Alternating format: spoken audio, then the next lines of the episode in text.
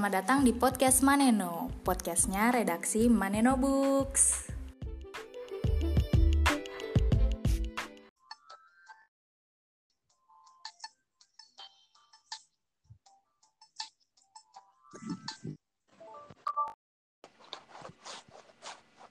Halo, Halo, halo. ya teman-teman Maneno Books, eh, balik lagi sama gue Ayu dan Gue Odi. Eh, hari ini kami berdua kedatangan salah satu penulis Maneno Books yang jauh dari Semarang. Ini salah satu penulis naskah pertama yang diterbitkan oleh Maneno Books yang berjudul Veranda dan Pembunuhan di Seribu Pintu. Eh, yaudah sama-sama kita sambut aja, asik sambut. Andika Cakra Buana Aditama. Yeay. Yeay. Ya Halo. boleh memperkenalkan diri dulu, Dika.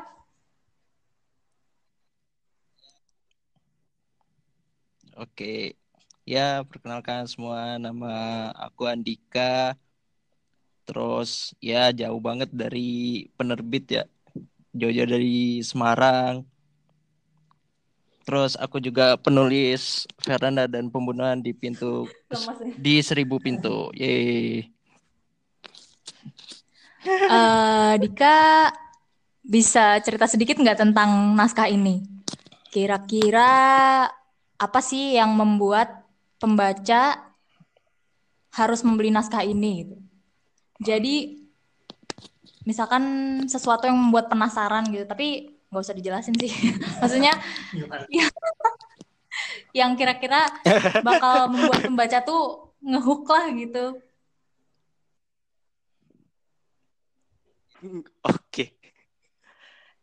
Ya, jadi ini ceritanya soal dua orang sahabat namanya Dona Veranda sama Aldo Simanjuntak. Mereka berdua itu wartawan wisata dan ditugaskan untuk meliput sebuah renovasi di Lawang Sewu. Dan ketika mereka sedang meliput tempat itu, ternyata terjadi pembunuhan yang dilakukan ke penggagas renovasi itu gitu. Terus lemes banget. Oke. Tapi harus dikasih fotonya veranda dulu biar semangat kayaknya. Ini kebetulan Oh, Odi nih juga. sebelah nih juga dia. Dia semacam wota semacam Oi, oi, oi, oi. masa mudanya dihabiskan untuk eh, buang-buang uang untuk Iya. menonton.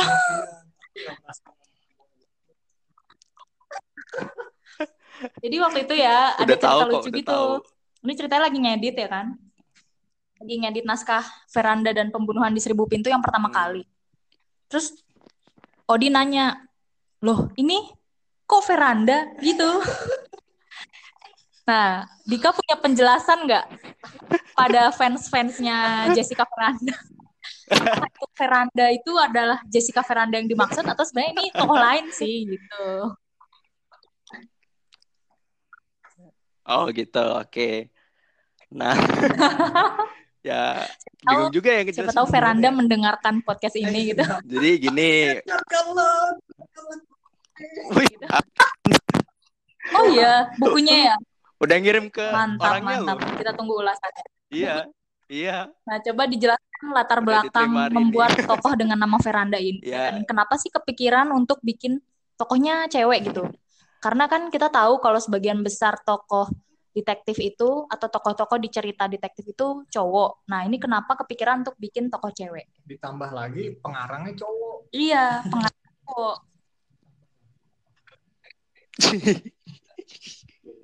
Oke, oke. Eh, ya, jadi waktu itu kan eh, itu waktu selesai naskah kedua. Sebenarnya ini Oh, Fernanda ini mantap. itu sebenarnya naskah Produktif ketiga. ya. Ya, naskah keempat nanti segera terbit judulnya Semoga skripsi. skripsinya segera kelar supaya bisa menabung naskah yang lain. Amin. Ya. Ya, jadi waktu itu lagi mentok kan, namanya penulis Iya. kan pasti kena yang namanya writer's block. Nah, waktu itu kebetulan lagi bete mau ngapain, akhirnya nonton TV. Pas banget lagi acara talk show di salah satu ta- stasiun televisi. Kalau stasiun televisinya mau disebutin, hubungin aja. Ya, jadi waktu itu lagi talk show dan bintang tamunya itu ngomong. Bintang tamunya cerita kalau dia itu senang baca cerita detektif kan. Terus dari situ kepikiran, loh kenapa nggak bikin cerita detektif ya? Soalnya kan dua naskah yang pertama itu satu fantasi, satu science fiction. Belum ada nih cerita, belum pernah nyoba buat bikin cerita detektif. Pernah sih waktu SMP itu nulis cerpennya gitulah. Cuma akhirnya tengah jalan selesai gitu. Nah, kepikiran buat apa ya istilahnya memutar Asik. memori itu kembali ke sini gitu. Nah, terus kepikiran nih tokonya mau siapa nih? Mau cowok apa cewek? Pertama itu. Terus aku mikir kalau misalnya cowok itu udah banyak banget kan. Udah banyak banget. Terus yang nanti beberapa naskah yang bakal terbit gimana ini juga kan cowok asik. Spoiler. Nah, jadi pengen yang beda aja gitu. Oh ya udah, cewek lah akhirnya kan. Terus kepikiran mau namanya mau siapa. Terus waktu itu pas lagi nyari nama-nama toko itu kan pagi tuh. Apalagi di lingkungan kosan itu banyak banget suara suara-suara hewan, ada suara ayam, ada suara ini macem-macem lah. Terus pas terus pas ketika ke- kepikiran itu ada suara burung tuh. Terus aku kepikiran betul. kalau misalnya burung kan banyak banget filosofisnya ya. Akhirnya akhirnya pertama langsung kepikiran entah kenapa karena sering baca Percy Jackson kan. Terus ada cerita soal burung merpati gitu yang melambangkan cinta dan kasih sayang. Akhirnya kepikiran lah buat jadi apa ya istilahnya ini awalnya itu merpati gitu. Kan merpati bahasa Inggrisnya Yaps. Dove, D O V E kan. Ya akhirnya itu yang dijadiin Oh, apa code name, code akronim name. awal gitu. Ketemulah eh itulah. Terus Oke. nah menggalnya ini yang susah sebenarnya. Pertama Dan jadilah tokoh itu ya kan. nah terus iya kepikiran V-nya itu kan yang paling susah nyari namanya. Terus mikir lah kenapa nggak bintang Oh. tamu yang kemarin aja dijadiin nama gitu. Ya udah. Jadi namanya Veranda. Do Veranda. Iya. Nah, Donya itu kepikiran Mhm. dulu ada temen cewek namanya Dona. Pas dicari di pas dicari di kamus beberapa bahasa asing itu Dona itu Hmm. artinya perempuan kalau nggak salah. Nah, jadi ya udah Dona Oke. Veranda. Terus dalam karena kan karena Dika kan cowok nih. Nah, dalam menulis menulis tokoh, Hmm. biasanya kan kita ada karakterisasi gitu kan kalau di dalam penulisannya, penulisan fiksi gitu. Nah, ada kesulitan nggak sih? Kesulitan ketika Iya. membuat tokoh-tokoh eh, tokoh cewek gitu. Karena kan cewek itu secara secara umum itu dikenal dengan makhluk sebagai makhluk yang emosional, bla bla bla bla bla. Nah, itu gimana risetnya? Kan karena Dika cowok, masa Dika bisa mengetahui emosi ce- cewek itu bagaimana? Riset langsung atau tanya-tanya orang? Gimana menghidupkan karakter? Iya, menghidupkan karakter si Veranda. Nah, nah kalau untuk masalah ya itu bener sih susah banget sebenarnya mau nyari gimana caranya memosisikan diri sebagai kerak Bu- Iya, iya, ya iya. gimana ya maksudnya? Ya gitulah. Nah jadi akhirnya eh, langsung buka YouTube cari-cari itu soal Jessica Veranda. Dia orangnya gimana sih? Orangnya gimana? Terus cari lagi ki- kira-kira ada tokoh cewek yang benar-benar apa ya bisa dijadiin karakterisasi dari orang ini banyak sih namanya kalau mau Oh, sebutin iya, betul. salah satunya itu Najwa Shihab jadi dimasukin ke Iya. situ makanya jadi wartawan kan kalau Najwa Shihab kan itu sebenarnya dia orangnya lembut tapi kalau udah nanya-nanya apalagi nanya Tajam. politikus tuh Tidak mau waduh udah boleh lepas ya. nah itu nah gitu terus kalau masalah bener-bener orang ya Cowok semua. kan jurusan perkapalan nah itu dia masalah utamanya di situ ini mau siapa ya udah akhirnya pengalaman eh, anak-anak BEM yang kira-kira oh ini sifatnya orangnya kayak gini kayak gini kayak gini ma- masuk situ semua jadi ya jadi Oh, istilahnya itu cuma mantap. ngegabungin puzzle aja gitu Sama lagi ya. Oh iya, jadi eh, ini tentang meskipun ini naskah ketiga ya. Tapi sebenarnya kan kalau di jadi waktu Mm-mm. itu hari Sabtu eh, Maneno tuh sempat ketemuan sama Fitrah dan Bang Fadli dari Detectives ID. Nah, ini mereka juga Eh, ya mereka sempat kaget nih karena wah ini siapa nih Eh, Andika ini. Jadi mereka penasaran gitu, baru masuk ke grup ternyata udah jadi satu satu buku. Kok bisa gitu. Nah, itu gimana gitu. Nah, Bang Fadli dan Fitra ini menuntut jawaban gitu. Kebetulan kita ada podcast bareng, ya udah. Dika mungkin bisa jelaskan secara langsung langsung ke pendengar gimana Oke. kiat-kiat menulisnya atau ini baru banget atau emang sebenarnya ini naskahnya udah diinkubasi dari lama. Kalau naskahnya Hmm. jadi kapan sih itu ya emang udah lama banget ya.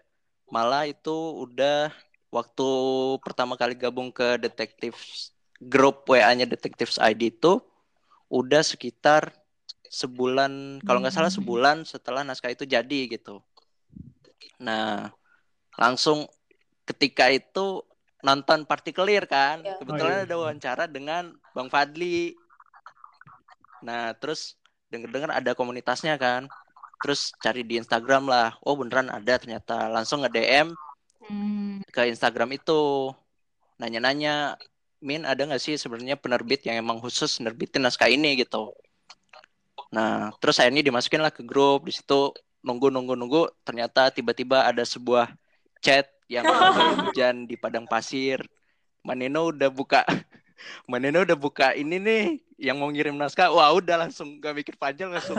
Ayo gimana nih ngirim Oke. gitu jadinya. Eh, kalau Eh, jadi untuk penulisan si Veranda dan pembunuhan di Seribu Pintunya itu sendiri sebenarnya memakan proses kreatif berapa lama sih?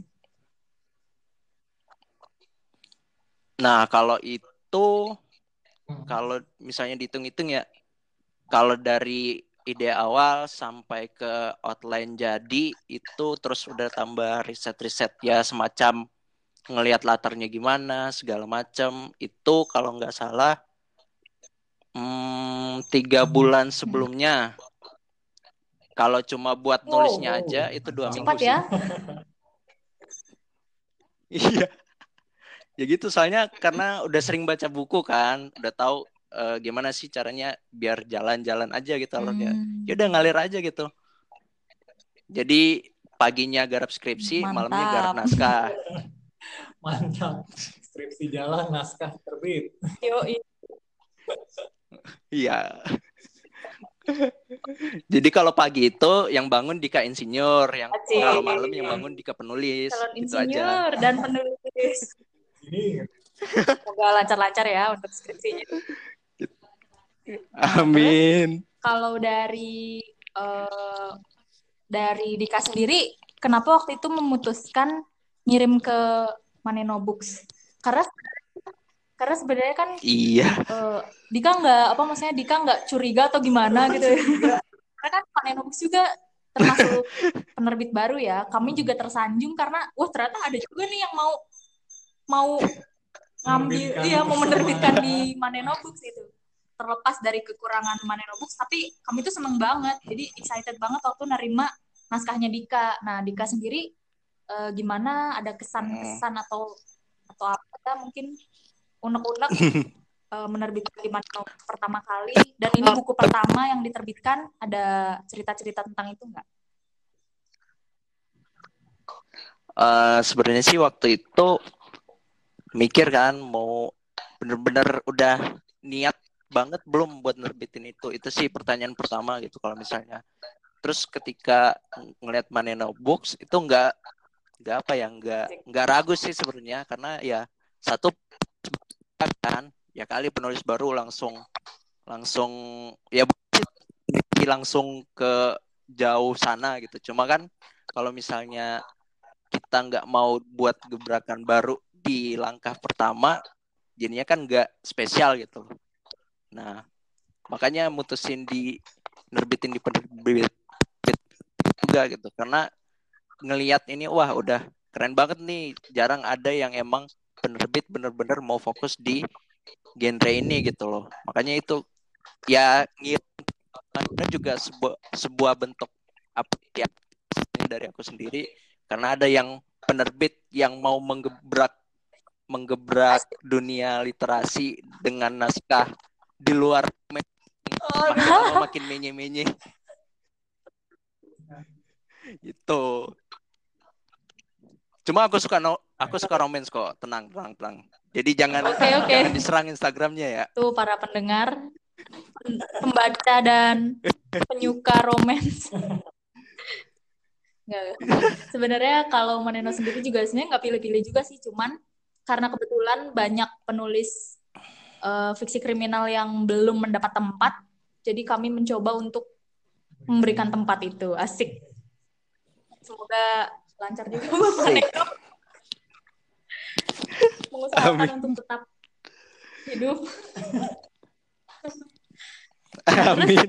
Uh, ini dong. Nah, ini kan kalau lihat di covernya si Veranda, tulisannya sebuah seri misteri. Ini berarti akan berkelanjutan gitu ya? Oh iya. Iya udah kalau dari itu sih bentuk sebenarnya bentuk komitmen dari aku pribadi buat terus berkarya sebenarnya karena kalau ngelihat kan ngefans oh, banget iya. tuh sama Agatha Christie. Nah, dia di umur 30 tahun aja terus dia ngebuat seri pertama itu apa ya? Kalau nggak salah Mysterious Affairs at Styles kalau nggak salah. Nah, itu dia di umur 30 tahun gitu. Dengan debut di naskah misteri di umur 30 tahun aja sampai dia wafat istilahnya begitu dia udah berhasil mengeluarkan berpuluh-puluh karya kenapa dari situ mikir kenapa aku yang baru umur 22 tahun mau stuck di satu buku aja gitu. Iya, iya. Wah, luar biasa ini. karena banyak karena betul juga sih Dia, karena nggak banyak itu. orang bisa komitmen dengan dengan yang namanya menulis gitu. Iya. Jadi kalau misalkan ada istilah writer's block, biasanya kan penulis ini sok-sokan cari riset ya. Contohnya saya. saya ah riset dulu lah riset ujung-ujungnya riset malah buka blog buka Instagram buka Facebook buka apalah banyak gitu tabnya banyak tapi nggak ada satupun yang isinya riset intinya gitu. Bagus banget. Uh, kata-katanya Dika ini bisa buat melecut asik. Melecut. Melecut semangat teman-teman yang sebenarnya nulis itu gampang ya. Yang bikin susah tuh diri kita sendiri. Bener nggak sih? Bener. Bener banget. Apalagi kalau untuk yang kan aku ya tergolong paling tergolong masih muda ya dibanding sepuh-sepuh detektif ID gitu Enggak, enggak, tapi mereka enggak tua, enggak tua, enggak tua. Tua, tua. ya, jadi iya, iya. jadi pernah dengar kata-kata gini, kalau misalnya orang tua itu kan kita belajar banyak pengalaman hidup, kearifan, terus segala macam. Nah, pemuda itu punya apa sih? Pemuda kan punya semangat, rasa ingin tahu, rasa mau belajar gitu. Jadi kalau orang tua itu menawarkan masa lalu, pemuda itu menawarkan masa depan. Jadi pemuda ini menawarkan masa depan ke siapa nih? Nah, itu ke siapa aja yang mau sebenarnya. ayo, ayo, siapa yang mau? Ini ternyata Dika bisa humor juga ya. Jangan-jangan ini diri Dika ini uh, sebagai gambaran untuk tokoh Al nih, sidekick Fernanda. Jangan-jangan gitu ya. Pasang-pasang. Nah itu itu itu adalah salah satu cara memosisikan diri yang benar gitu. Ketika udah mulai keluar cowoknya, ya udah lempar aja ke Al gitu. Jadi rencananya tokoh Al ini uh, apakah nanti akan terus jadi apa duo gitu iya, bareng Veranda, Veranda. atau gimana? Hmm, udah pasti sih dia mereka bakal jadi satu tim yang yang istilahnya fresh banget terus muda juga muda lagi kan ujung-ujungnya. Nggak tahu kepikiran wah detektif makanya suka bingung kalau ngikutin omongan di grup WA itu waduh ini mau masuk. Aduh udah kayaknya udah pengalaman banget di dalam gitu cuma asik-asik sih orangnya sekalipun udah istilahnya udah expert banget gitu enak banget diajak ngobrol makanya kalau teman-teman yang emang mau gabung ke grup detektif Adi sebagai penulis atau pembaca itu enak banget sih kalau misalnya mau sharing tentang fiksi kriminal segala macam di situ. Uh, kalau buat seri kedua, apakah udah ada pemikiran gitu atau bocoran gitu? Kita pada penasaran kira-kira ada sesuatu yang menggebrak kah dari seri kedua atau mungkin akan menyelesaikan skripsi dulu? atau habis skripsi ya sebenarnya ya itu tadi ketika garap naskah pertama ini kan sambil garap skripsi hmm. sambil garap naskah gitu nah kalau untuk seri kedua mau spoiler susah gimana ya? Intinya itu ya 2019 itu ada kejutan lah. ibaratnya kan nah buku buku pertama ini sebenarnya cuma semacam kunci buat masuk ke universe yang lebih besar. Ya, jadi teman-teman yang mendengarkan podcast ini terus ikutin Maneno Books karena akan banyak sebenarnya dari kami juga akan banyak naskah-naskah segar ya, naskah-naskah fresh dari berbagai penulis, berbagai rentang usia dan berbagai universe. Jadi teman-teman harus ikutin terus Maneno Books podcastnya Maneno Books juga dan semua sosial medianya supaya nggak ketinggalan update. Asik. Kita promo. Ya. Kita promo. oh iya uh, kira-kira Dika ada pesan-pesan nggak buat para pembaca misalkan uh, ada para pembaca naskah veranda dan pembunuhan di seribu pintu yang saat ini mendengarkan podcast ada pesan-pesan atau mungkin apa gitu harapan? Hmm.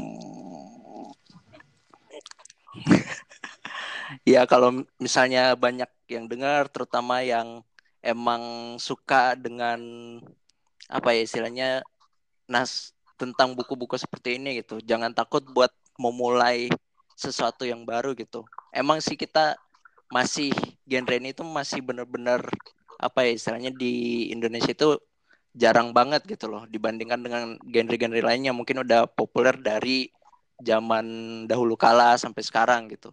Cuma ya kalau misalnya kita emang nggak mau buat menggebrak pasar itu, buat menggebrak pembaca ya kapan gitu. Kalau misalnya kita nggak mulai buat nulis sekarang, nggak ada tulisan-tulisan yang buat berikutnya dong gitu.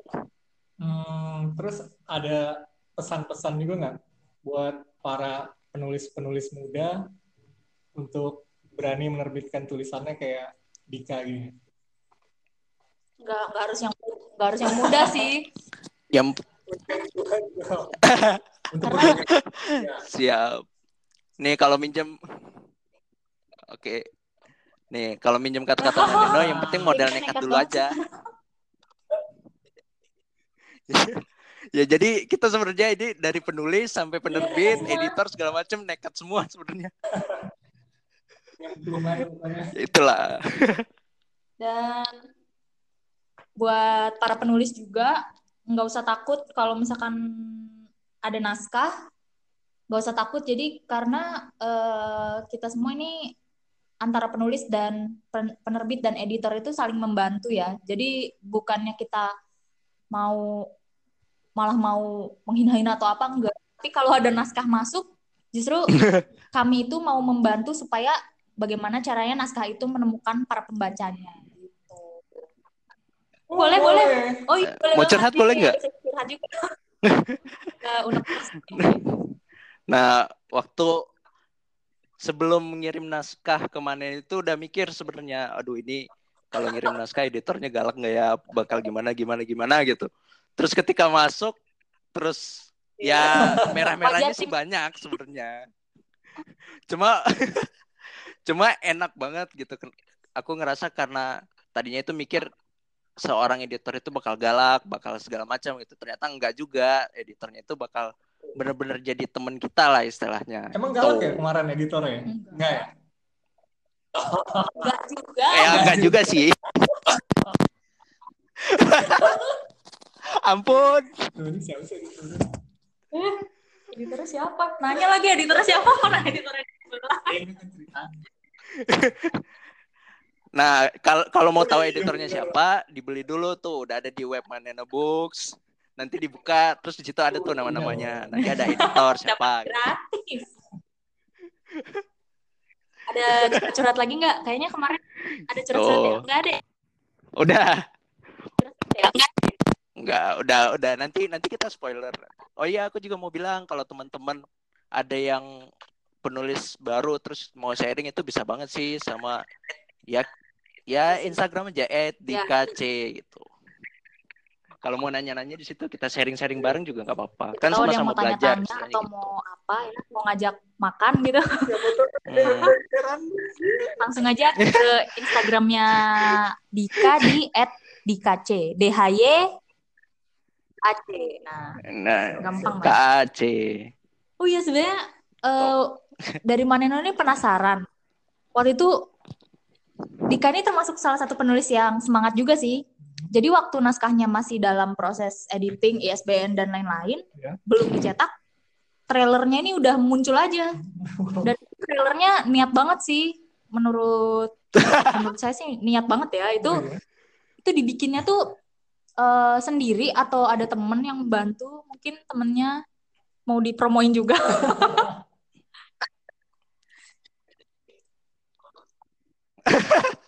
Ya, jadi kalau untuk trailer ya emang itu model nekat juga gitu. Karena waktu itu mikir siapa ya eh, emang yang emang enak buat diajak bantuin gitu. Kebetulan banyak ya, nggak salah sekitar satu orang. Dan satu Nah, orang para pengunjung Lawang Sewu itu langsung di Lawang Sewu ya? iya. Nah, jadi waktu itu ngajak kan dia, Hmm. eh mau nggak bantuin bikin trailer bukunya nih. Terus dia mau banget ternyata gitu. Akhirnya karena aku pribadi orang yang agak malu gitu, akhirnya dia yang disuruh jadi orang mati. Jadi waktu itu, waktu garap trailer itu kan cari tempat sembunyi tuh, cari yang tempat Biar emang diusir ya? mendukung tapi agak tersembunyi dari dunia luar gitu. Ketika, nah, ketika dengar ada ada, waduh, ada yang datang nih, hangge hangge, mission abort, mission abort, mission abort. Jadi, oh iya iya mas, iya mas, iya mas, iya mas. Akhirnya pura-pura ngeliat pemandangan gitu kan. Nanti orangnya pergi, mulai lagi. Gitu. Hmm.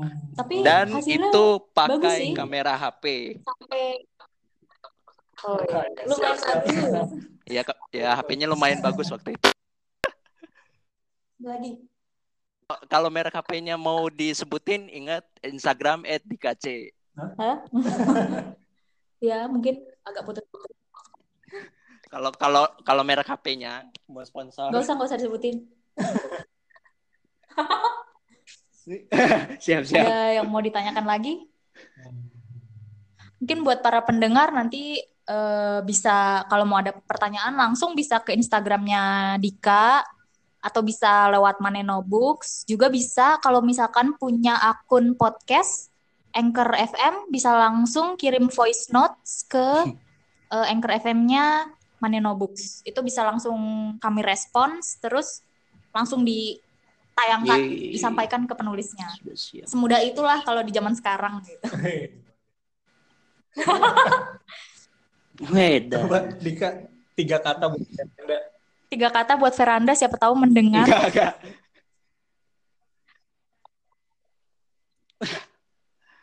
Apa ya? Ya Bingung juga Ai, tiga kata.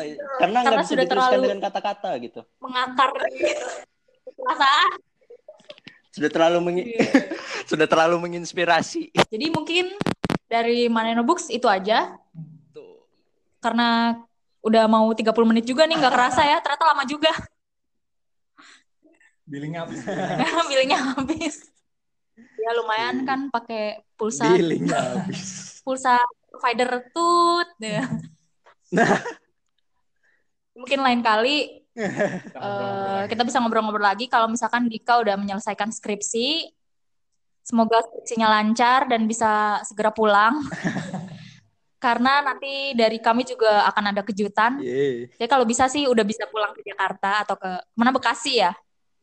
Bisa pulang ke Jabodetabek dan bisa ikut Bekasi. kejutan yang nanti bakalan Maneno Books munculkan. Memang ada kejutan. Ada nah namanya juga kejutan, Oh, iya. tahu.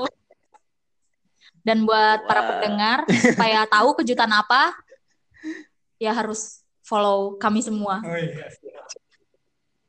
Gitu aja sih paling. Ada pesan-pesan lain lainnya mungkin Oke. cukup ya. Ini, eh, promosiin cukup, bukunya dong. Oh, iya. Para pembaca. Pesan Promosikan terakhir. Veranda dan Pembunuhan Seribu Pintu dong buat pendengar Maneno Books podcast. Asik. Ya kalau mau dengar cerita yang emang nggak biasa, terus cerita yang fresh, tapi juga ikut istilahnya buat pembaca berpikir bareng-bareng buat nyelesain kasus pembunuhan. Jangan lupa dibeli, bisa dibeli di in- lewat Instagram Manendo Books atau di website. Websitenya apa? Manenobooks.com. Ya. .com. Nah, gitu aja mungkin para pendengar podcast setia, padahal mah nggak ada yang denger ya. Ada tetangga. Oh ya kita ada, yang denger tetangga, tetangga eh, tetangga redaksi. Buat para pendengar podcast Manano Books, hari ini episode kedua mendatangkan Dika Cakra sebagai penulis, salah satu penulis novel yang Manano Books terbitkan. Semoga para pendengar yang belum punya langsung beli, asik. Kita paksa beli ya. Ayo. karena eh, harga yang ditawarkan itu sesuai dengan cerita yang disampaikan. Jadi benar-benar nggak akan kecewa lah. Dan kami juga sebenarnya membutuhkan kritik dan saran dari teman-teman semua. Eh, mungkin ada kekurangan-kekurangan yang harus kami perbaiki di terbitan ke depannya supaya teman-teman semua bisa membaca dengan nyaman. Karena intinya penerbit itu adalah pembaca. Jadi dan penulis itu intinya adalah pembaca. Jadi kalau misalkan pembaca nggak nyaman ya kami juga sedih gitu. Makanya kami tunggu eh, kritik dan sarannya dari para pendengar semua, para pembaca naskah-naskah Maneno Books, terutama Veranda dan Pembunuhan di Seribu Pintu. Kalau ada kritik dan saran, langsung sampaikan aja ke sosial media gitu. Nah, kalau gitu mari kita dadah-dadah. Oke. Terima kasih udah udah bersedia meluangkan waktu ya, Dika. Semoga ke depannya sukses Yeay, sama-sama. dan terus menulis dan terus menginspirasi Amin. para penulis yang lagi writer's block tidak berkesudahan. Iya. Akhir kata kami dari Maneno Books mau mengucapkan terima kasih dan selamat, selamat. menulis lagi. ya. Dadah. Dadah. Dadah. Dadah.